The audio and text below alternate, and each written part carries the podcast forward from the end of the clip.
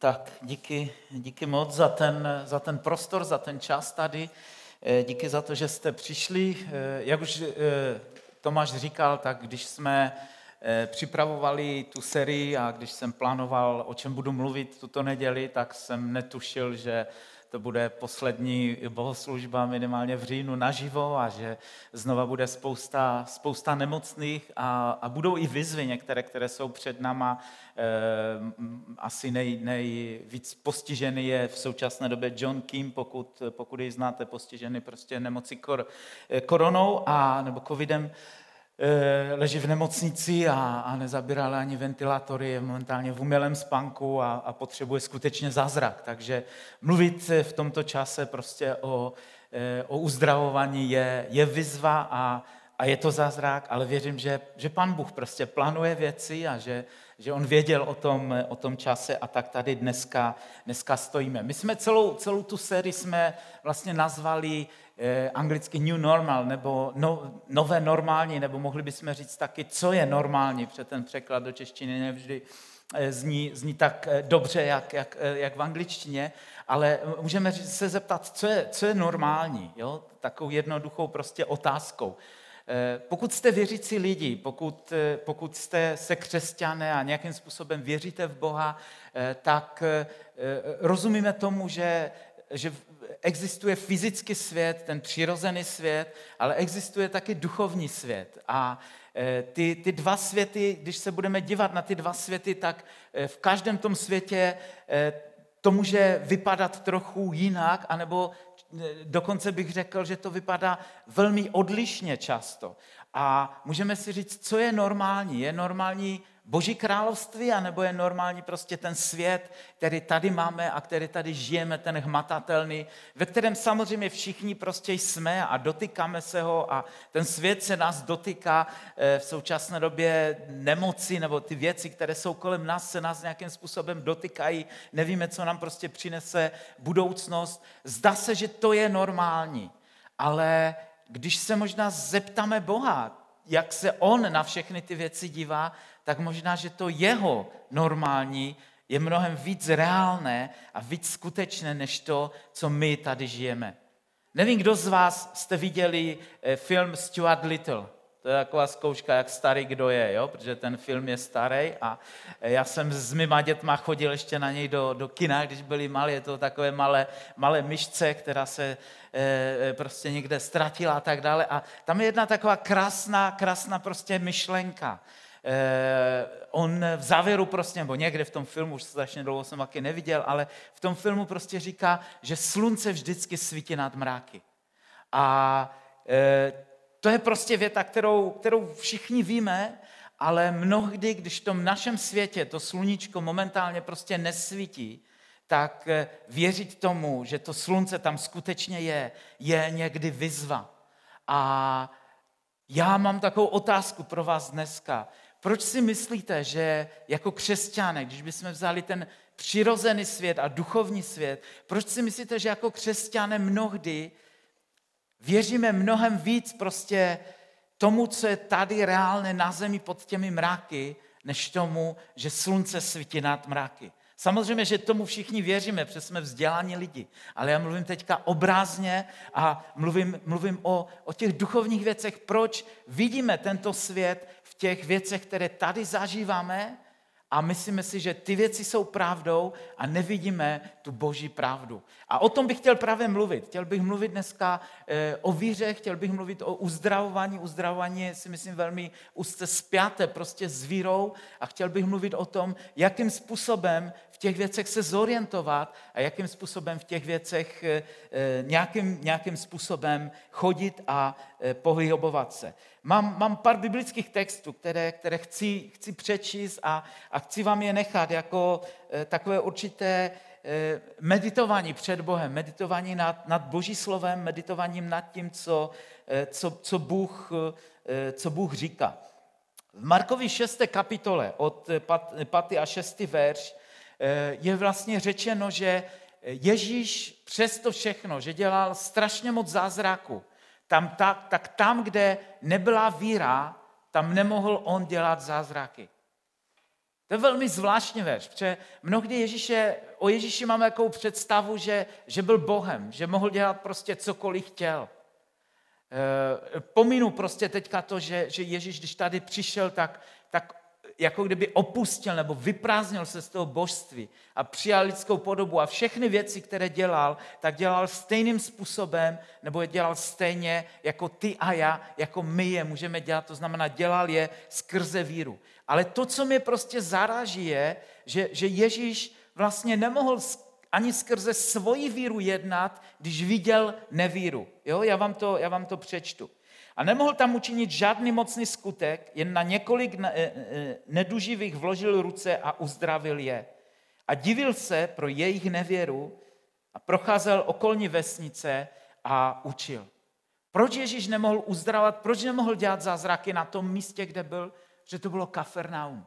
Bylo to místo, kde vyrostl.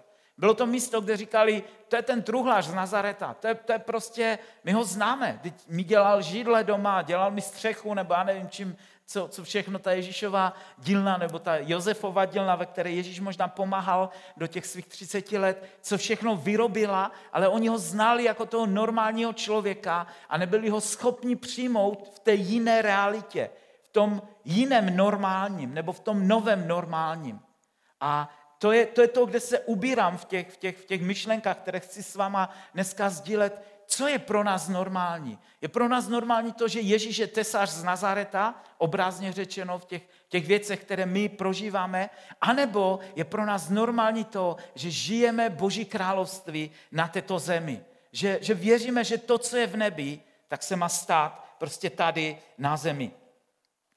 E, když bychom šli dál v některých, některých textech, tak v Efeském ve druhé kapitole eh, přečtu šestý verš, ale, ale ty verše předtím i potom o tom, o tom Pavel eh, mluví a eh, on, on píše, píše církvi, píše věřícím lidem a říká jim, a spolu s ním nás, nás Bůh posadil k životu a spolu posadil na nebeských místech v Kristu Ježíši spolu s ním vlastně v, tom, v, té, v té druhé kapitole popisuje, že spolu, spolu s Kristem vládneme, že spolu s Kristem sedíme vlastně na tom trůnu, že se podílíme na tom království, které, které prostě tady je a nějakým způsobem roste. Jo? Když jsme mluvili v minulosti o Božím království, tak jsme několikrát mluvili o tom, že Boží království je tady, není ještě v plnosti, ale Ježíš v těch podobenství říkal, že jako semínko, které on zasadil a, a říkal, Boží království tady je a od toho okamžiku budete vidět růst toho království.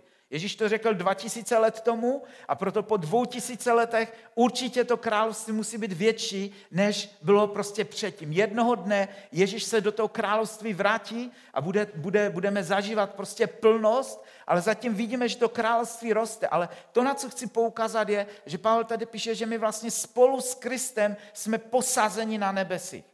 můžete říct, já jsem posazený teďka momentálně v kostelíku na chodově, já nesedím nikde v nebi, já nejsem nikde. To jsou ty dvě reality. To jsou ty dvě normální. Normální tady na zemi je, že teď se nacházíme někde na chodově v kostelíku Jana Miliče z Kroměříže a máme tady prostě odpolední bohoslužbu, ale ta nebeská realita je, že sedím spolu s Kristem a spolu s ním vlastně vládnu v jeho království. Jo, jsou, je, je to svět fyzicky, tady pozemský, a svět duchovní. Ve Feském v první kapitole a poštol Pavel popisuje a říká, chci, abyste zvlášť nad tím textem meditovali a přemýšleli nad ním, že mi meditovali, doufám, že vás to neuraží, že to není nějaké, nějaké okultní slovo pro vás, ale meditovat můžeme nad Božím slovem, nad, nad Bohem, je to určité stišení, zamyšlení se, jo, přemýšlet prostě nad tím. Kdybyste mohli přemýšlet ještě doma nad tím slovem, nebo během příštího týdne někdy si udělat čas. Efeským 1, 15 až 19. Pavel tam píše, proto i já, když jsem uslyšel o vaší víře v Pana Ježíše a o lásce ke všem svatým, nepřestávám za vás děkovat, když, eh, když se eh, eh, o vás zmiňuji na svých modlitbách. Aby vám Bůh, našeho Pana Ježíše Krista, Otec slávy, dal ducha moudrosti a zjevení v právém poznání jeho samého a osvícení oči srdcem, abyste viděli, jaká je naděje v jeho povolání, jaké je bohatství slávy, jeho dědictví ve svatých a jak nesmírně je velikost jeho moci vůči nám, kteří věříme v souladu s působením převahy jeho síly. Když, když budete přemýšlet nad těmi několika ti čtyřmi verši, které, které jsem prostě pře, přečetl, tak Pavel píše k věřícím lidem, on nepíše k nevěřícím. K lidem, kteří věřili v Boha, kteří věřili v Ježíše Krista, kteří byli součástí té církve v Efezu. A Pavel jim píše, já se modlím o to, aby, aby Bůh vám něco zjevil, abyste dostali ducha zjevení, abyste odkryli prostě to bohatství, abyste pochopili prostě ten duchovní svět. Tím jazykem dnešního tématu nebo toho, co máme na tom plagatu před kostelíkem napsané, bych mohl říct, já se modlím o to, abyste poznali to, co je nové normální. Abyste nezůstávali v tom fyzickém, v tom přirozeném, v tom, co tady vidíme, na co se můžeme sáhnout. Protože ve skutečnosti Bible říká, že ten, že ten pozemský svět, že to naše normální jednoho dne přemine a pomine. Ale to věčné, to prostě zůstane.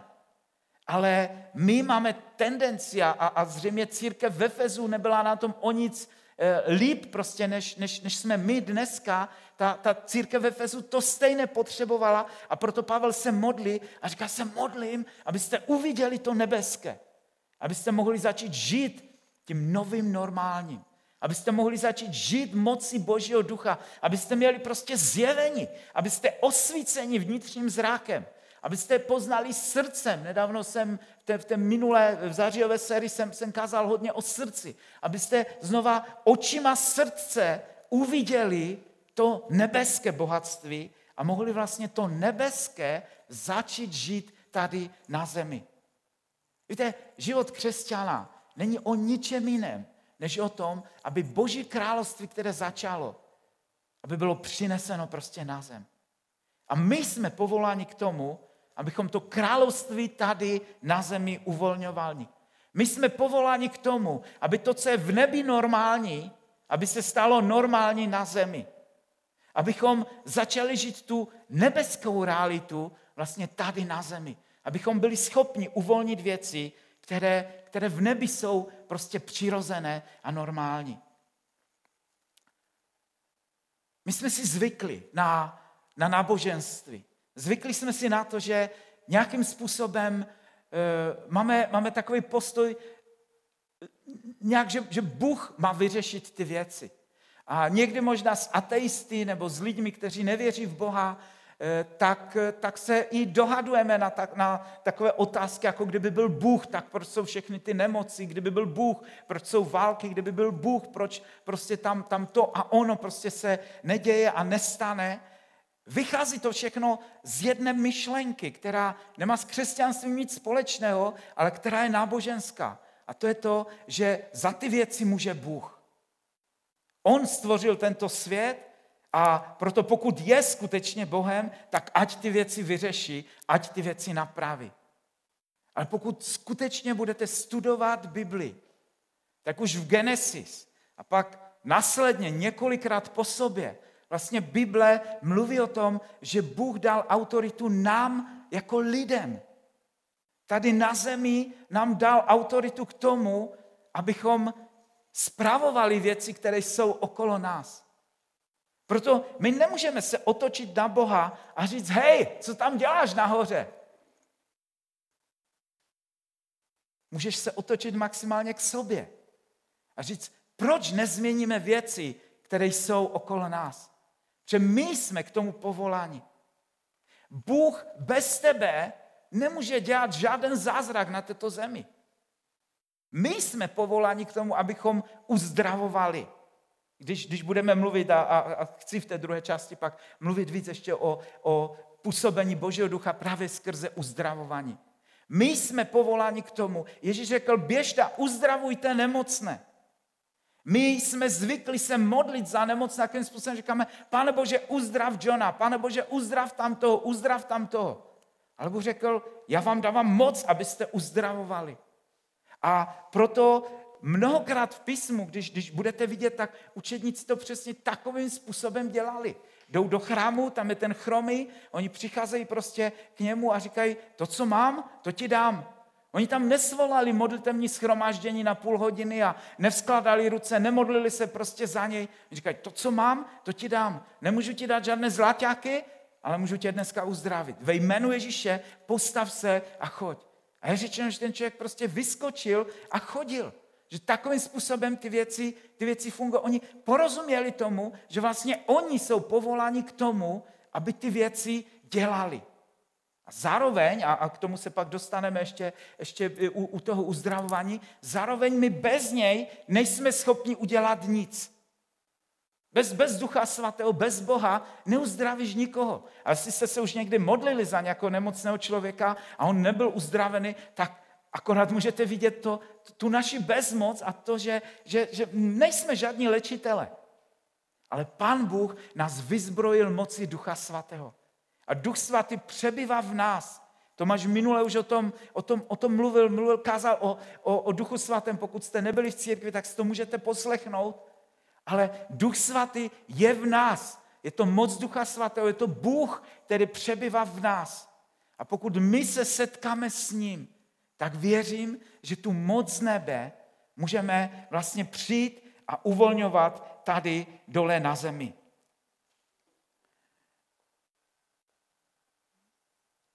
Když eh, bychom se podívali do, eh, ještě, ještě tu mám asi další tři texty, které chci s váma rozebrat, je to víc, ale myslím si, že to bude nahráno, můžete si to pak poslechnout a, a přemýšlet znova nad, nad těmi všemi biblickými texty.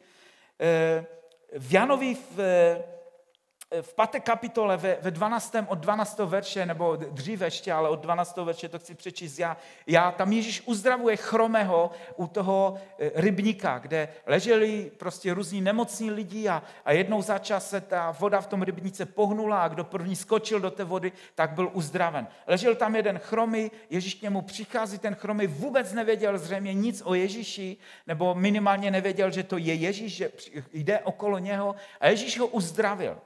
A pak od toho 12. verše tam, tam je zapsané toto. Kdo je ten člověk, který ti řekl, vezmi své eh, lehatko a choď.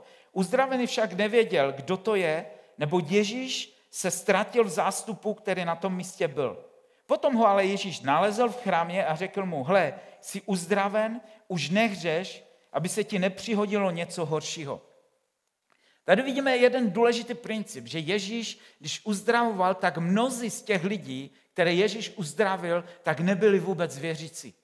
To znamená, je to, je to argument, který, který je, je proti tomu, že někdy, když se jdeme modlit nebo když, když máme jít uzdravovat lidi, tak vyžadujeme od nich víru. Víckrát jsem se prostě s tím setkal, ale já, já věřím a jsem přesvědčen o tom, že když tě Bůh posílá za někým, tak máš mít víru ty. To není o víře prostě toho druhého člověka. Ježíš uzdravoval, apoštolové uzdravovali mnoho lidí, prostě, kteří jednoduše víru neměli. Ten člověk ani nevěděl, kdo je Ježíš, proto, proto víru nějakým, žádným způsobem nemohl mít. Ale Ježíš ho přesto uzdravil. Ale pak ho Ježíš vlastně vyhledá a říká mu, říká mu o sobě, říká mu, že, že, že on je božím synem a, a vysvětluje mu ty věci. A vlastně říká mu tam na závěr něco, co, co říkal víckrát Ježíš, eh, když uzdravil někoho, říká mu, jdi a už nehřeš, aby něco horšího na tebe nepřišlo. A my zase jsme zvyklí to číst takovým tím naboženským jazykem a máme pocit, že když Ježíš říká, aby něco horšího na tebe nepřišlo, tak máme na mysli, že vlastně ta nemoc byl nějaký trest za hřích a teďka ten člověk byl uzdravený a Ježíš jako kdyby říkal, hele, dej si bacha, protože pokud budeš dělat dál nějaké eh, blbiny, jo, pokud dál budeš žít v hříchu, tak skončíš v pekle. Víckrát jsem takovým způsobem prostě slyšel, eh, slyšel kázat na toto téma. Já tomu takhle nevěřím. Jednoduše Ježíš, Ježíš nikde takovým způsobem k nevěřícím nebo k hříšným lidem prostě Eh, nepřistupoval. Já, já věřím, že Ježíš zaplatil za, za hříchy, nebo v té době ještě ne, ale, ale Ježíš eh, šel vlastně na kříž, byl na cestě na kříž a Ježíš zaplatil za naše hříchy a ty, ty, ty věci, které, které my jako lidé prostě nedáváme a ve kterých padáme, tak on je vzal. Ale to, co nový zákon popisuje vlastně jako, jako hřích, tak, tak, je, tak je nevíra. Eh, Ježíš, eh, nebo, nebo je, je napsáno v, eh, pak dál, mám to tady taky někde poznamenané, v 16. kapitole Jana, že až on přijde, tak ukáže světu, v čem je hřích a říká, že hřích je v tom, že nevěří ve mně. To znamená, nevěřit v Ježíše je ten náš hřích top číslo jedna. To je, to je, to je prostě ten náš problém. A teď, teď vlastně Ježíš někoho uzdraví, ten člověk je uzdravený a Ježíš mu jinými slovy říká, vysvětluje mu, kým je on, vede ho k víře a vlastně říká mu, aby přestal nevěřit, aby začal věřit, protože věřím, že jedině skrze víru my můžeme dojít prostě k trvalému uzdravení. A teď se dostáváme pomalu k tomu, k tomu eh, eh, kázání nebo vyučování nebo k tomu bodu, který chci říct ohledně uzdravování a vůbec ohledně zdraví v našem životě. Já věřím, že uzdravování v Novém zákoně, tak jak ho vidíme, tak jak se dělo, tak, tak mělo dvě části nebo dvě manifestace. Ta jedna a ta první bylo něco, čemu říkám manifestování Božího království. To dělal Ježíš i tady v tom případě. Ježíš kázal království a vlastně přicházel na různá místa a říkal, takhle to království vypadá. Bum, lidi byli uzdraveni, nebo bum, rozmnožil chleba, bum, prostě proměnil vodu ve víno a tak dále. Dělal zázraky a vlastně manifestoval tím před zraky lidí Boží království. Ale často, když dělal zázraky, tak vlastně karal svoje učedníky, karal je za nevíru. A dle mého vysvětlení tady toho verše, který jsem četl o tom, o tom chromem, tak, tak je to vlastně to stejné, co říkal nemocným, když jim říkal vlastně jdi a už nehřeš, přestaň nevěřit. Vstup skrze víru do trvalého uzdravení. To znamená, co dělá manifestace? Manifestace království říká, je tady jiný život. Můžeš žít prostě jinak. Můžeš žít v nadpřirozeném, můžeš žít v novém normálním. Něco jiného může se stát pro tebe prostě normální. Doteďka bylo normální, že když přišel vír, když přišla nějaká nemoc, tak nás to prostě semlelo. Ale teďka může být něco jiného normální. S učedníkama Ježíš má diskuzi o, o, o jídle, o chlebu, o zaopatření. Jo? A zrovna předtím rozmnožil, eh, rozmnožil chleba a oni pak někde nevzali spolu, eh, když, když šli, tak zapomněli vzít, si vzít chleba. A Ježíš je zase kara pro nevíru a říkají, jak můžete teďka se bavit o chlebu? Před chvíli prostě jsme udělali z ničeho 12 košů chleba a vy teďka prostě tady brečíte, že jste zapomněli svačinu? Ježíš jako kdyby říkal, začněte žít v jiné realitě. Začněte žít v novém normálním. Vstupte prostě do něčeho, co je, co je jiné, co je nové, co je to nové normální. Začněte žít moci Božího ducha. Začněte žít to, co, co je vlastně v nebi. To znamená, manifestace Božího království v oblasti uzdravování se často děje u nevěřících lidí, nevyžaduje u toho nemocného žádnou víru, ale, ale je o tom, že někdo, kdo, kdo, kdo přijal Boha, kdo se s ním setkal, vlastně jde na Boží pokyn a uzdravuje lidi. Máme několik služeb uzdravování eh, ve sboru, mno, mnozí lidi, kteří se modlí a, a myslím si, že Pán Bůh je posouvá v tom prostě dál a dál a můžeme vidět mnohé zázraky. Ale eh, ten, ta, ta věc má být trvala v tom, že Pan Bůh nechce, abychom měli v církvi eh, já nevím, Tomáše nebo Ivu Bůž nebo kohokoliv jiného prostě, kdo se modlí za nemocné lidi, a aby všichni nemocní, kteří jsou, aby neustále běhali za těma lidma a říkali, pomodli se za mě. Abych běžel kašlu, nebo já nevím, chytnul jsem nějakou covida nebo něco. Běžím za tím uzdravovatelem církevním, ten na mě vloží ruce, jsem uzdravený, jdu domů. Cestou se nachladím zase, tak už musím běžet zase za ním. Jo? A, a, a vlastně ten život by, byl, by šel do nekonečna. Jednou někdo z těch lidí, kdo se modlí za nemocný, mi položil otázku a říká, myslíš, že můžu jít do nemocnice a jít od pokoje k pokoji a můžu mít víru na to, abych celou tu nemocnici vyprázdnil? Já říkám, zřejmě, proč by to Bůh nemohl udělat? Asi, asi ano, ale myslím si, že eh, nejpozději další den by, by zase ta nemocnice byla naplněna.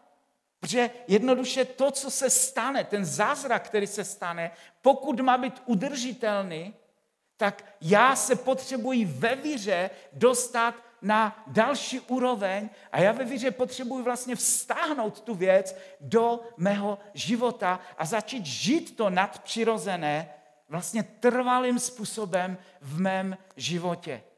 A to je největší výzva pro mě. To je výzva pro každého z nás, jako pro křesťany. Že jsme obklopeni fyzickým světem, který je plný nemocí, plný takových těch našich normálností, že musíme platit účty a, a, a dělat mnoho jiných věcí. A Ježíš nás tom zve do světa, který je nadpřirozený. Protože Boží království je vlastně nadpřirozené. Proto Ježíš manifestoval Boží království, aby ukázal, toto je moje království. Takovým způsobem to království vypadá. A jestli do něho chcete vstoupit, jestli v něm chcete žít, tak v něm nemůžete žít jinak, než skrze víru. Víra je vlastně ten klíč, kterým to slunce, které je nad mraky, dostáváme dolů a děláme hezké počasí tady na zemi. Víra je, je to, kdy, kdy já uvidím něco v Božím království, Pán Bůh mi ukáže věci a já jsem je schopen najednou uvolnit prostě tady na zemi. Bez víry Bible říká, že se nemůžeme líbit Bohu. Víte, křesťané, když přijdeme k zázrakům, tak jsem slyšel kazat tolik totálně nebiblických prostě věcí, že, eh, že, že by to vyšlo na několik knížek. Ale jediné, co Bůh dává za podmínku tomu, aby se zázraky mohly dít, tak je víra. Křesťané někdy říkají, když, když, když budeme svatí, když, když se posvětíme víc, tak pak Bůh přijde a bude dělat zázraky. A posvěcují se, až, až jim svítí kolečka nad hlavou a, a nic se prostě neděje. Nemám nic proti svatému životu. Všichni se potřebujeme posvěcovat. Já jenom říkám, že to nefunguje jako obchod, jako něco za něco. Jako to, že když už budeme dokonali, tak pak Bůh prostě odpoví. Někdy jsem slyšel v církvi, když se víc budeme modlit.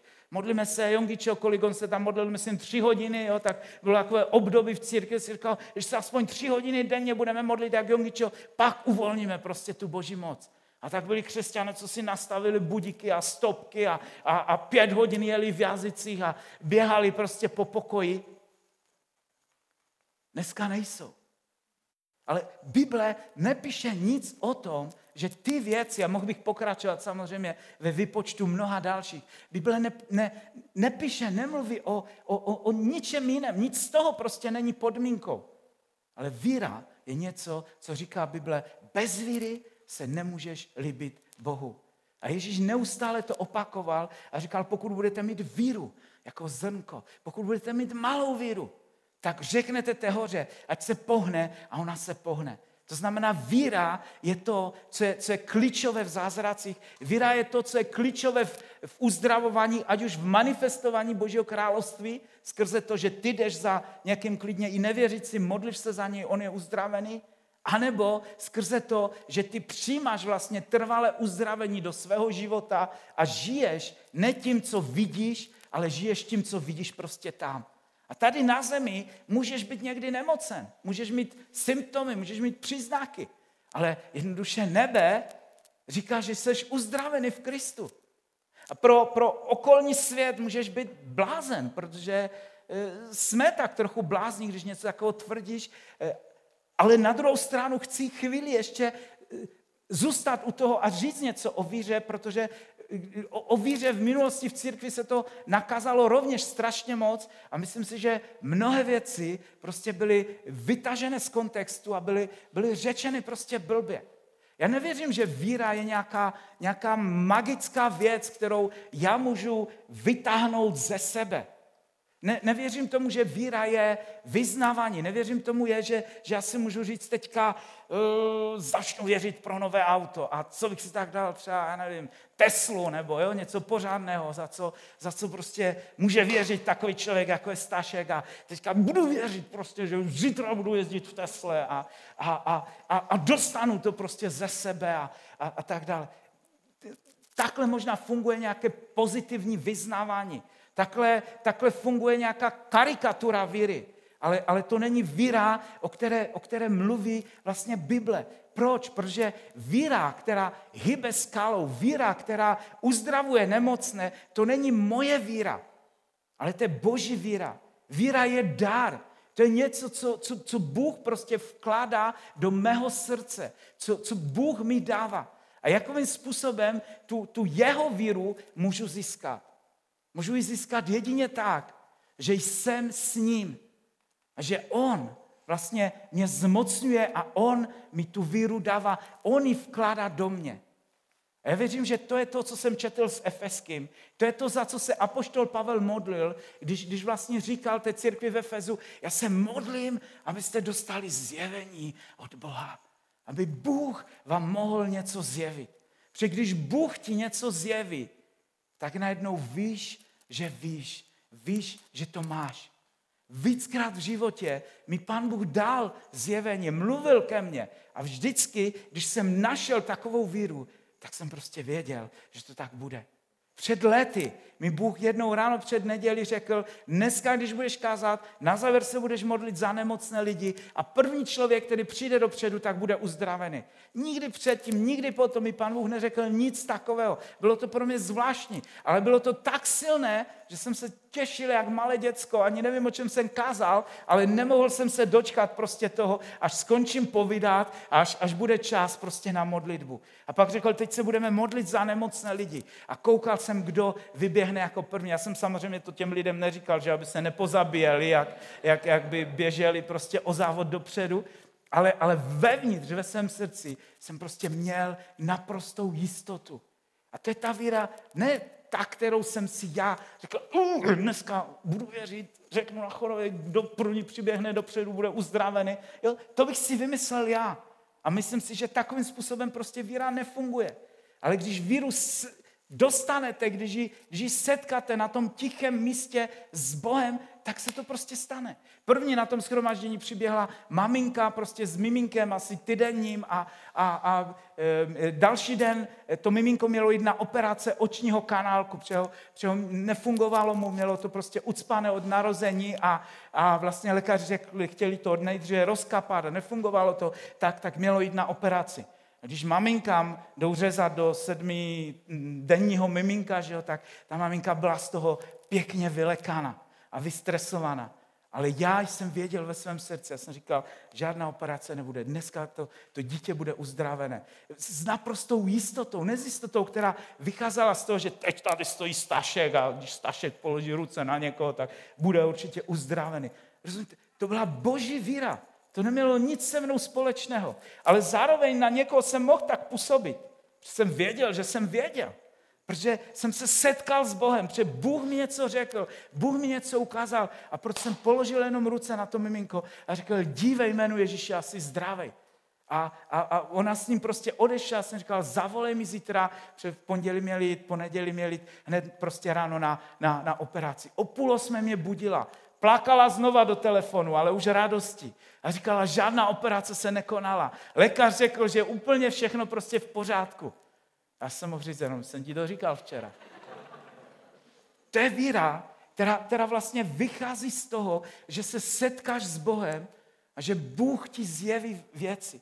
Víckrát v životě Pán Bůh mi ukazoval věci, které máme dělat, ať to bylo zakladání sboru, zakladání církvy. Eh, mnohdy se jednalo o finance, o peníze, nemalé částky. Ráno jsem to vzpomínal s Dobroslavem, eh, já bych mohl v tom rozhovoru konec konců pokračovat, že co oni tady měli, protože jsme to prožili skutečně hrozně moc. Ale ještě, ještě předtím, než přišli do Prahy, tak jsme dělali projekt v Jihlavě a, a zakladali jsme pět církví prostě tam na, na Vysočině, na Jihlavsku. Potřebovali jsme na to milion korun a neměli jsme je ale jsem věděl, že to máme prostě udělat a že Bůh mi řekl, že to máme udělat. Podepsal jsem smlouvy pracovní s pěti lidma, které jsme vlastně zaměstnali a poslali do různých měst, aby tam zakladali sbory. Neměli jsme ani floka. Dobroslav neměl nic, já jsem měl ještě míň, jo, takže, takže nula s nulou. A asi týden před vyplatou, protože v Čechách, že vyplatu dáváte vždycky až po měsíci, takže my jsme začali ten projekt prostě ve víře. Neměli jsme nic. Tři miliony jsem potřeboval na tři roky, na, na každý rok prostě jeden milion. A na, na asi týden prostě před vyplatou jsme tam měli jedno takové malé schromáždění, kde jsem jenom vzpomněl a řekl, Eh, že ještě nemáme všechny peníze, jo? trochu jsem lhal, jako, nebo jsem to kamufloval, ale říkal jsem, ještě potřebujeme stále na ten projekt nějaké peníze. Kdybyste chtěli někdo přispět, tak, tak, tak můžete prostě pak přijít za mnou. Pak najednou přišel jeden podnikatel a říká, kolik potřebuješ? Já jsem říkal, no hodně, jo, protože to bylo hodně. A říkal, no řekni kolik. Já jsem říkal, styděl jsem se říct, že nemám vůbec nic, jo. Tak, tak jsem říkal, no, no hodně. Nakonec to ze mě dostal, říkám milion a, a, a krát tři, takže tři miliony vlastně během tři let. A on řekl, tak, tak jo, tak já to zaplatím. A jsem říkal, cože? Říkal, no, já to zaplatím. Říkal, jako všechno? Jo, všechno a, a, a dodržel své slovo a Dobroslav mě svědkem, že, že, že takovým způsobem vlastně ten projekt pak fungoval na základě prostě toho, že jsme ve víře do něčeho prostě vykročili. Ale to není o tom, přátelé, a, a, a je, je tenký led mezi tím, prostě, kdy my jako lidé někdy můžeme upadnout do nějakého pozitivního myšlení, můžeme upadnout do různých eh, kultu víry, které, které nám učí, cokoliv chceš, tak můžeš mít. Bůh je bohatý prostě. Chtěj, co chceš a chtěj hodně toho a řekni mu to a vysni si to a vyvěř si to. Ne, víra je něco, co pochází z Boha. A není, není k tomu žádná zkrátka. To, jak víru můžeš získat, tak je setkání s Bohem. Já jsem řekl, že Bůh nedělá žádné zázraky, že je děláme my. Ale je to tak trochu polopravda. Že na druhou stranu vlastně my bez Boha nemůžeme udělat nic. To znamená, to funguje tak, že my jdeme pro to zmocnění a pro tu víru k Bohu. Ona vychází ze vztahu, který je mezi ním a tebou. A když tam od Boha něco vlastně získáš a, a, a přijmeš ty věci, tak pak je v tom viditelném světě můžeš uvolnit. Asi to ty, kdo mluví k té hoře, aby se pohnula a věř mi, ona se pohne. Ona zmizne, ona půjde do moře. Chci se modlit na závěr za, za nemocné lidi. Pokud tady je někdo nemocný, tak, tak věřím, že, že Bůh se tě může dotknout a může manifestovat svoji moc na tobě. Budu se modlit za, za vás všeobecně do plena aby jsme moc nevskládali ruce dneska. Eh, ale samozřejmě, pokud někdo chcete, tak můžete pak po skončení přijít za mnou nebo za Tomášem a rádi se budeme modlit i, i osobně, klidně i se vzkládáním rukou. Ale eh, to, to klíčové a to důležité prostě, co chci říct je, že věřím, že Pán Bůh nás chce používat k tomu, abychom jeho království mohli uvolnit do světa, který je právě teďka okolo nás. My žijeme v hrozně zvláštní době, asi nikdo z nás jsme nepřemýšleli před rokem, před dvěma, že budeme někdy mít nějaké koronače a budeme řešit tady ty věci, které řešíme a budeme sedět všichni na bohoslužbě zamaskovaní, nebo dokonce nebudeme mít bohoslužby vůbec, protože nám to zakážou. Ale žijeme v této době. To je normální. Je to normální pro tento svět. Je to normální pro vlády tohoto světa. Je to normální pro, pro okolí, které, které je okolo nás. Ale vy, pokud jste přijali Ježíše Krista, tak jste občané Božího království. A já chci, abyste šli na to tiché místo s pánem. Abyste v tom čase byli s Ježíšem. Abyste vzali od něj naději a víru pro tento svět. Protože takhle církev vždycky měla fungovat. Aby jsme byli nadějí a světlem. Aby jsme nebyli těma, kteří běhají kolem a, a e, ve strachu prostě nemají jednu roušku, ale mají raději tři, aby, aby se něco prostě nestalo. To všechno, co se kolem nás děje, je jenom panika. A já nechci říct prostě nenoste roušky nebo nedělejte prostě něco, ale to, co vám chci říct je, a, a vím to z celého svého přesvědčení, rouška, umývání rukou, ty věci vás nezachrání. Noste je a dělejte ty věci. Ale to, co vás zachrání, tak je On. Tak je víra v Boha.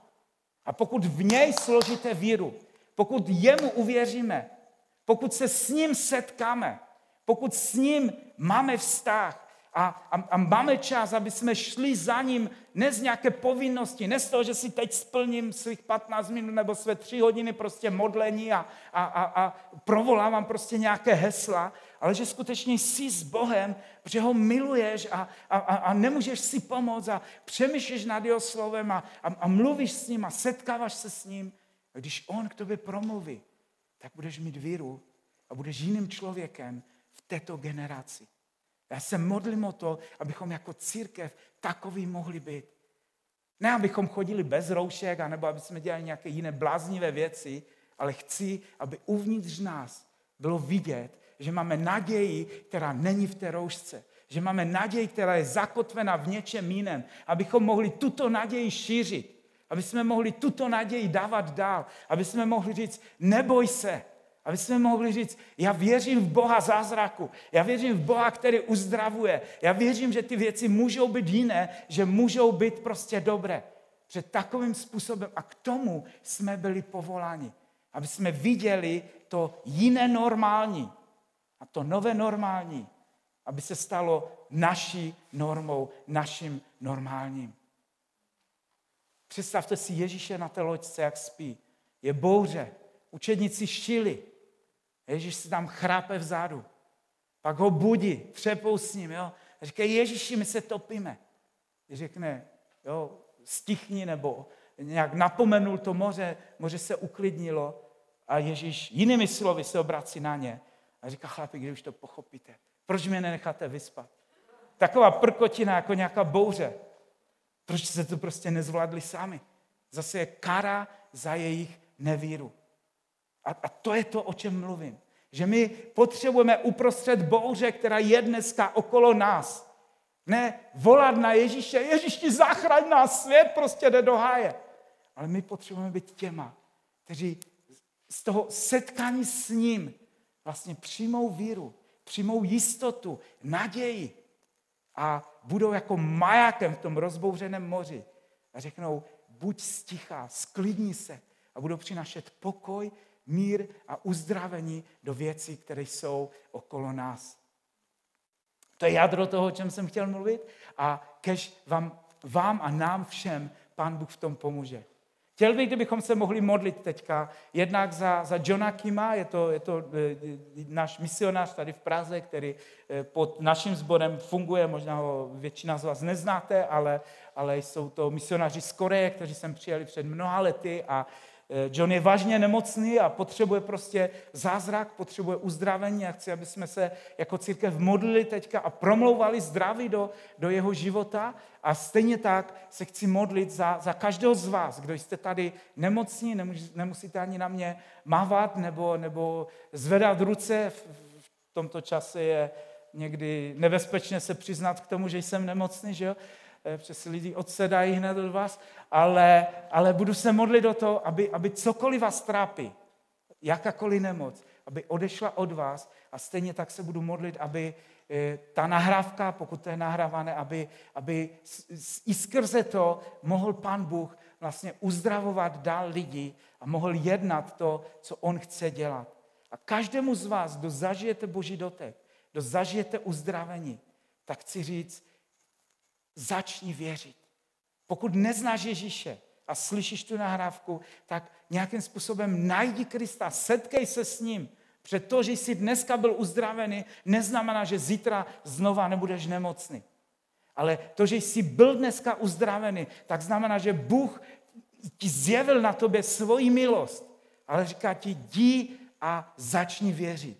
Najdi víru, protože víra je to, co přemáhá tento svět. Pane Bože, já ti děkuji za to, že můžeme být tady schromaždění teďka jako církev. Já ti děkuji za to, že si nám nedal ducha strachu, že si nám nedal ducha bázně, ale že si nám dal ducha moci, ducha síly a ducha odvahy. A to je duch svatý, který je v nás, který bydlí v nás a my v této moci se chceme modlit teďka za našeho bratra, za Johna, který leží v nemocnici a ve jménu Ježíše chceme, chceme svazovat toho ducha smrti, chceme se modlit proti jakékoliv nemoci, ať, ať, ať má jakýkoliv orgán v těle napadnutý e, tou nemocí, my se modlíme o to, ať teďka božské uzdravení je zjevené na ním. Johne, my tě uzdravujeme teďka ve jménu Ježíše a přikazujeme tvomu tělu na dálku, ať povstane, ať chodí. ať, ať, seš, ať seš zdravý, ať ve zdraví se můžeš vrátit zpátky ke své rodině. Pane, a v té stejné víře se modlím za kohokoliv, kdo je tady dneska a kdo potřebuje tvůj dotek, kdo potřebuje tvé uzdravení. Ať, ať to je nachlazení, ať to je chřipka, ať to jsou anginy, ať to jsou kosti, ať to jsou nádory, ať to jsou klouby, ať to jsou vnitřnosti, ať to je cokoliv, tak ve jménu Ježíše se modlím o to, ať boží uzdravení přijde, ať je uvolněné do vašich těl, ať je uvolněné do mého těla, ať můžeme vidět božské nadpřirozené uzdravení. Pane, já se modlím o to, ať každý z nás, jak tady jsme, Ať můžeme najít čas s tebou, kdy se setkáme a kdy přijmeme víru od tebe. Víru proto, aby věci okolo nás mohly být změněné. Aby nemoci trvale mohly být odstraněny z našich životů. Aby věci, které, které nefungují, aby mohly začít fungovat. Žehnám vám vírou ve jménu Ježíše. Vírou, která přemáhá tento svět. Vírou, která z nenormálního dělá normální. Vírou, která sáhne do nebe a vidí nebeské království a přináší ho tady na zem a uvolňuje ho na zemi a dělá z něho normální. Dělá z něho přirozené. Pane, ať zázraky, ať uzdravování, ať se může pro nás stát naprosto normální. Díky Duchu Svatý, že ty to teďka děláš. Díky ti, Ježíši. Pokud kdokoliv z vás byl teďka nebo bude v budoucnu uzdraven, nebo i skrze tu náhravku bude uzdraven, můžete nám napsat, poslat svědectví, že svědectví vždycky povzbuzuje víru těch, těch jiných, těch druhých a všichni potřebujeme víru, tu boží víru, aby jsme v ní rostli. Takže vám žehnám a díky za ten společný čas a stůjme spolu jeden za druhého a modleme se o to, ať naše víra může růst, ať můžeme manifestovat Boží království na zemi. Amen. Amen. Tak jo, tak jestli můžu pozvat tady do těch dvou křesílek Dobroslava a Alici. Kdo z vás Dobroslava a Alici nezná? Vidíš to, Dobroslave? Alice, jeden člověk vás tady nezná. Já jsem ani nedoufal, že by vás někdo nemohl neznat, ale pořád ještě jsou i lidé, kteří vás neznají. Dobroslav s Alicí jsou v církvi bez hranic pomalu od samého počátku, kdy je Stanislav vlastně pozval do Prahy, když tady zakládal církev před 16-17 lety.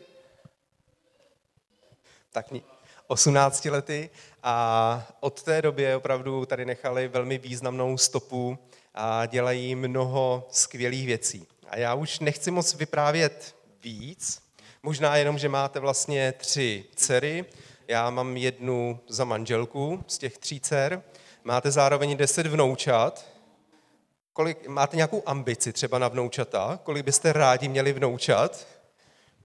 A když uh, holky ještě byly svobodný a zatím odolávali všem klukům, tak já jsem jim jednou říkal, holky, já bych si přál jednou mít deset vnoučat. A moc jsem nedoufal, že to tak může dopadnout, ale zázraky je vidět, že se dějí. Taky ano, můžeme vidět takový ten exponenciální růst v rámci vnoučat. Nejenom koronavirus má exponenciální růst, ale i vnoučata v životě Alice a Dobroslava. Tak možná moje první otázka je, a, jak vlastně jste se vůbec dostali do Prahy? Protože jste vlastně měli zbor v Jehlavě, kde jste sloužili, zbor šel jako vynikající, zborem myslím církev, místní církev. A, a pak přišlo ještě možná předtím něco, než se ozval i Stašek, nebo jak vůbec, do toho vím, že jste vlastně se starali o babičku, maminku Alice, takže to taky asi nebylo úplně jednoduché. Kdybyste tu trochu cestu popsali? My jsme, my jsme s, s rodinou začínali sbor nebo církev v Jihlavě v 91. roce a, a za tu dobu potom, protože jsme dělali hodně aktivit pro, pro to naše město a hodně s mladou generací jsme dělali a, a za tu dobu jsme byli spojeni s mnoha úřadama, protože jsme někdy do našich aktivit a, a do našich projektů potřebovali zapojit taky úřady a městskou policii, protože jsme to sami nezvládali, ale, ale měli jsme tam takovou přízeň, takovou přízeň, zdá se říct, všude v tom městě a, a ta práce šla dopředu a, a protože jsme rádi s lidma, tak myslím, že to je takový ten základ toho. A za ty roky za ty roky myslím, že tak, jak lidi přibývali do církve a, a ty poslední roky taky jsme ještě dělali takový dva projekty každý rok, kdy před Vánocem jsme dělali velkou akci pro rodiny, rodiny z těch sociálně slabší rodiny a v tom jsme potřebovali úřad sociálně práci za, za, zatáhnout nějak, aby nám pomohli nějak se kontaktovat s nima. A vlastně jsme zapojili do toho projektu taky a vedení města a to, byly, to byl projekt, kdy před Vánocema vždycky v tom sále, největším sále, který v hlavě byl, jsme měli asi 700-800 eh, lidí a my jsme dělali nějaký projekt a zároveň jsme, zároveň jsme zpívali to, že to bylo před Vánocema koledy a, a nějaký písničky o tom, že jsou Vánoce, že se narodil Uh, že se narodil Ježíš a vlastně takovou tu zvěst toho, uh, toho poselství příchodu Ježíše a dobré zprávy. A a já jsem tam mohl sdílet eh, zároveň z Bible tu dobrou zprávu, že, že pokud žijeme bez něj, takže nemusí být život špatný, ale přece jenom něco v našem nitru chybí. Nějaký prázdno tam je. A druhou akci jsme dělávali eh, vždycky ve školním roce, to, byly, to bylo spojené s, tím, s těma školama středníma a to jsme vždycky po týdenní kampani měli pronajatý jeden kinosál, kde, kde přišlo kolem 500 studentů a bylo to zase, že jsme jim chtěli přiblížit to, že, že on je ten, který nás hledá, volá, že je to dobrý se s ním spojit. Takže, takže ty věci jako by šly. A zároveň, zároveň tak, jak v životě to je, tak přicházely i věci, které nebyly jednoduché, které nebyly snadné. Sem tam někdo nám nepřál, jsem tam nějaký ten klacek pod nohy a tak, ale to tak v životě je. Ale my jsme se dívali dopředu pro ty dobré věci. Takže s tím městem jsme byli tak spojení, a to město se stalo pro nás takovou velikou rodinou a tak, jak naše holky už byly v takovém věku, Miriam možná už byla plnoletá, nevím, ale ale už byli docela velký a holky byly zapojeny v těch projektech spolu s náma a ty mládežnické projekty většinou už vedly oni. A vždycky doma jsme se v pátek večer sešli a povídali jsme si o tom, co děláme pro to naše město, co jde, co nejde, co nám dává smysl, co ne, co necháme být. A ten večer, jeden z těch večerů, když jsme se potom modlili, říkáme, pane, pane, potřebujeme vidět další krok v nějaké oblasti a potřebujeme vidět, kudy máme jít, aby to přinášelo něco dobrého, něco zdravého, něco životodárného pro to město. A představte si, přestože barák jsme si tam postavili, s tím městem jsme byli tak spojení, tak pán Bůh někdy nás překvapuje. A ten večer pán Bůh mluvil do, do mého srdce a to, co jsem slyšel, to si pamatuju do dneška, kdyby to bylo včera nebo dneska ráno, když jsem se probudil, protože mě to trochu vyděsilo. A pán Bůh říká, ten vnitřní hlas jsem slyšel úplně jasně a, a pán Bůh říká, mám pro vás věci, do kterých můžete vejít jenom tehdy, když se pohnete z místa. Nezdá se vám to divný v tom, co jsme tam dělali pro to město, co jsme tam žili? Takovou, takovou výzvu dát před vás, co byste si řekli? Nikam nejdeme, že? A já jsem to pak uh, sdílel s mojí rodinou a Alice k tomu řekne maličko víc. No, uh, řeknu akorát to, že když, když nám to oznámil, tak jsme si říkali, že prostě když pán Bůh nám nějaké takové věci říká, tak prostě jdeme. A že nehledě na okolnosti, jaký jsou, tak prostě jsme udělali tehdy to rozhodnutí, nebylo to hned, zvažovali jsme tyhle ty věci a prostě přestože jsme, jak říká Dobrosa, vlastníma rukama dům stavěli s tím, že prostě jednou se o rodiče postaráme, že tam možná jedna z dcer bude bydlet s náma a bylo to ještě za totality, že jo, takže prostě církev se tam bude scházet jako podzemní církev, protože, že jo, takový to stíhání a STB a to všecko jsme všecko zažívali, takže jsme vlastně tam měli to zázemí takový, ale přesto jsme to rozhodnutí udělali. Já se možná jenom, nedá se nezeptat, a to by taky mluvil pán Bůh, nebo mluvil jenom k Dobroslavovi? A ty jsi, když ti to Dobroslav řekl, tak ty jsi to jako nějakým stylem po týdnech rozchodila? Ne, já, my prostě jsme měli takové souznění a já si myslím, že jsem měla takovou jako důvěru a to všechno, že v tomhle já jsem se nebránila, že víckrát bylo, kdy prostě jsme si říkali, pán Bůh k nám mluví a, a tehdy když to fakt bylo jako od pána, tak my jsme tam neměli, že jeden jo a ne a prostě nějak jsme v tom vnitřně jako souzněli. No a takže, a takže ještě trošku k té otázce Tomáše, že potom ta cesta do Prahy, my jsme do Prahy nechtěli, protože nám se zdálo, že z toho malého města, kde se tak jednoduše celkem vytvářejí ty vztahy a jste si tak blízko s těma lidma v městě, který má 50 nebo 55 tisíc obyvatel, takže, takže jít do milionového města, že, že nás to tady semele že prostě, když bychom se sem přestěhovali, tak se tady někde ztratíme a, a nenecháme za sebou žádnou šlápotu a pro nás je to tak, že jsme si říkali, kamkoliv půjdeme, chceme tam po 15-20 letech nechat nějakou šlápotu, nějaký odkaz v srdcích lidí, s kterými jsme se mohli, mohli za tu dobu scházet. A Praha nám do toho nehrála vůbec jako, aby, aby jsme si to nějakou měli představit, že to může být. A přesto díky tomu, že se známe se Staškem mnoho let a mnoho let už předtím, tak, tak vím, že on věřil více než já vždycky. A Stašek, když se dozvěděl o naší rodině, že, že se chceme pohnout z místa, že pán Bůh nám mluvil, tak od té doby mám za to, že každý týden mi volal. Říká, vypadalo to, vypadalo to tak, ahoj Dobroslav, jak se máš?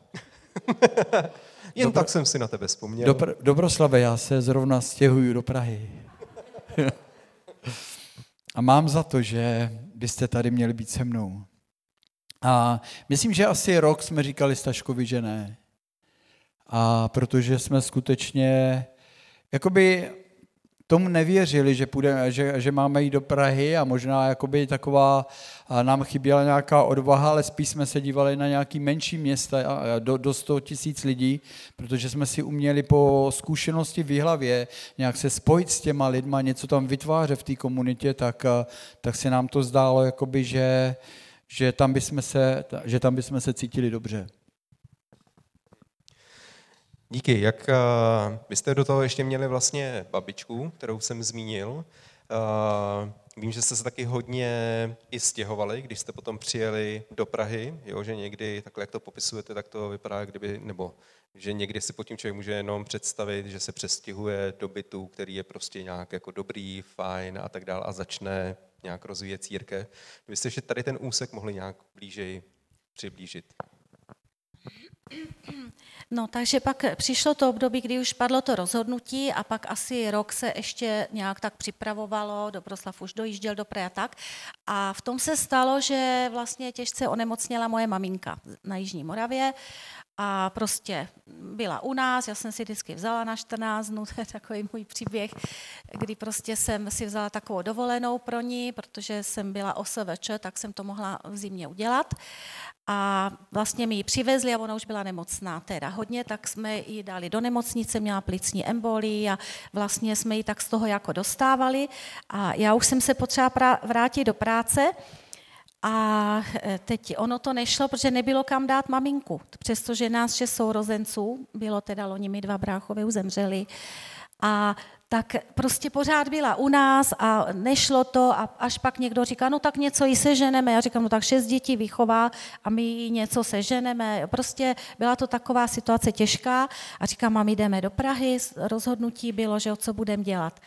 Takže no prostě nějak pokračovalo a musela jsem nechat teda práce, protože potřebovala opravdu 24 hodin péče A musím říct, že jsem si dobře vydělávala teda, jakože opravdu jsem, jsme mohli si dům dodělat a, a takový, jako, že s tím stěhováním to taky souviselo, že jsme pod kroví chtěli si doladit, dodělat a tak. Takže jsem vlastně vydělávala úžasný, krásný peníze, dobrá práce, mohla jsem tu práci dělat jako kdekoliv, takže i to stěhování nebylo na překážku. No a potom s, s tou maminkou teda říkáme, mami, my potřebujeme do Prahy. A teď co s tím, že jo, maminka v nějakém věku a tak eh, ona byla schopná to přijmout, to byl velký zázrak, že prostě my jsme říkali, my jdeme za lidma, my jdeme na misi. A ona tím, že byla křesťanka, tak prostě pro ní to znamenalo strašně moc. Ona denně si Bibli četla, modlila se, prostě úžasná, věrná boží žena.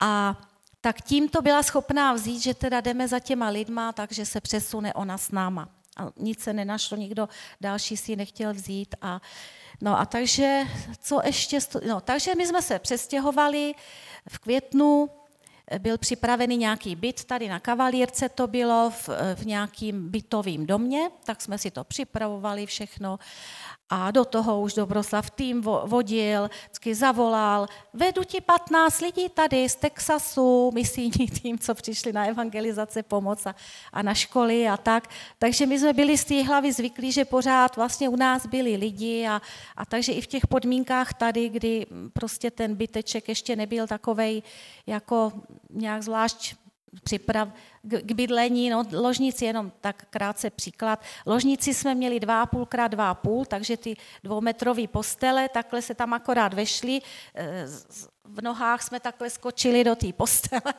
jo, a byli jsme v ložnici a když pršelo, tak jsme teda tam dávali kýble, protože tam byla u toho velkého domu vlastně špatná střecha. No a, a to jsme mi nevěděli, jo, takže takovýhle No ale asi po dvou měsících paní e, říká, že dostala od realitky nabídku k prodeji celého domu, čili že se musíme vystěhovat. Takže znova jsme hledali bydlení s tou maminkou, že jo, a takže se našlo ve Slaným, na metodistické faře, takže jsme se vlastně jakoby pošoupli, že, že to dojíždění není tak špatný.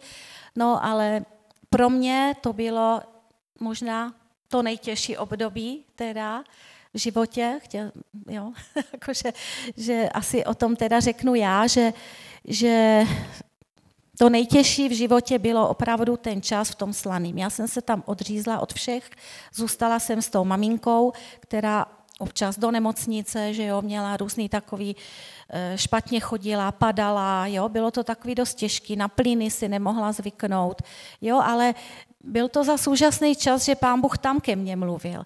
Jo, že třeba když jsem čistila koberce takhle v slzách, jak ona prostě to nezvládala, že jo, plíny nechtěla a tak dále, tak to bylo takový období, kdy prostě jsem tam šúrovala, tekly mě slzy a měla jsem pocit, že jsem už úplně na dně, že už opravdu víc nemůžu.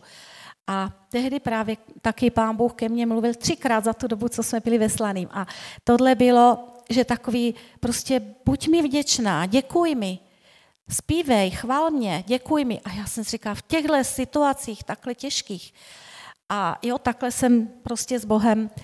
A já jsem opravdu začala zpívat a děkovat a našla jsem si, za co bych děkovala i v těch nejtěžších situacích. A vlastně pán Bůh mě tím provedl pozvedal mě v těch, na té poušti, na, na, jako v, v těch údolích a pozvedal mě a učil mě opravdu jako jít k němu v, i v takových, teda, v takových těch nejtěžších chvílích. A abych nebyla dlouhá, já jsem tam ještě měla teda, když byla maminka jednou v nemocnici, tak jsem se vracela pochmurná neděle, e, sama prostě v tom slaným tam a, a najednou jsem slyšela něco někde, že hráli a říkám, co to je tady? A představte si, já jsem jen tak narazila na nějakou církev tam a přijeli tam někde od někud romská kapela křesťanská. No to bylo tak úžasný, veselý, tak prostě já jsem tam přišla, úplně jsem přišla tehdy v, té těžké situaci, jak do ráje. Tak to bylo taky jedna taková, jako kdy mě pán Bůh pozvedal. A pak třetí pozvedání, prostě jednou se stalo, že Dobroslav mě zamknul. Nechal mě doma zamčenou. Ono to vypadalo jako, že, jak když chlap zamkne manželku, jo. A teď odjel, že jo, do Prahy a do Jihlavy ještě dojížděl a my bydleli v patře, tak já jsem se nemohla nikam dostat. A teď tam zvonila nějaká mladá paní, že něco, tak já oknem říkám, no já jsem tady zamčená. tak, tak to bylo fakt vtipný, tak se mi vysvětlovala něco a ona, že si dole v modlitebně, my jsme byli na tou modlitebnou bydleli, na té faře ve Slaným, že si tam zapomněla Bibli. A že ona je nějaká, že přišla z Aljašky, že se vrátili, že má nějakýho manžela z Aljašky a že se vrátila a to. Tak jsme se takhle poznali a pak, když si přišla znova pro tu Bibli, no neskutečně jsme si padli. Ona začala jezdit za mnou se svým miminem, prostě modlili jsme se spolu, povídali jsme si a úžasná taková odpověď, že najednou mi, jak když pán Bůh takhle tam vložil přítelkyni, a to bylo něco úžasného, fakt zvláštního, takže pak celý roky jsme spolu tak jako se kamarádili. No. Já k tomu řeknu jenom dvě věty, že to bylo opravdu asi nejtěžší období, zvlášť pro Alici a a to, že zůstala sama odříznutá, tak jak ona je společenská, byla zvyklá vždycky s lidma a, a v té době, během toho roku, co jsme byli ve Sladným, tak vím, že mi možná třikrát říkala, možná to bylo zrovna v těch obdobích těžkých takový, že, že by říkala, Dobroslave, já už tady nechci být, stěhujeme se zpátky do Jihlavy.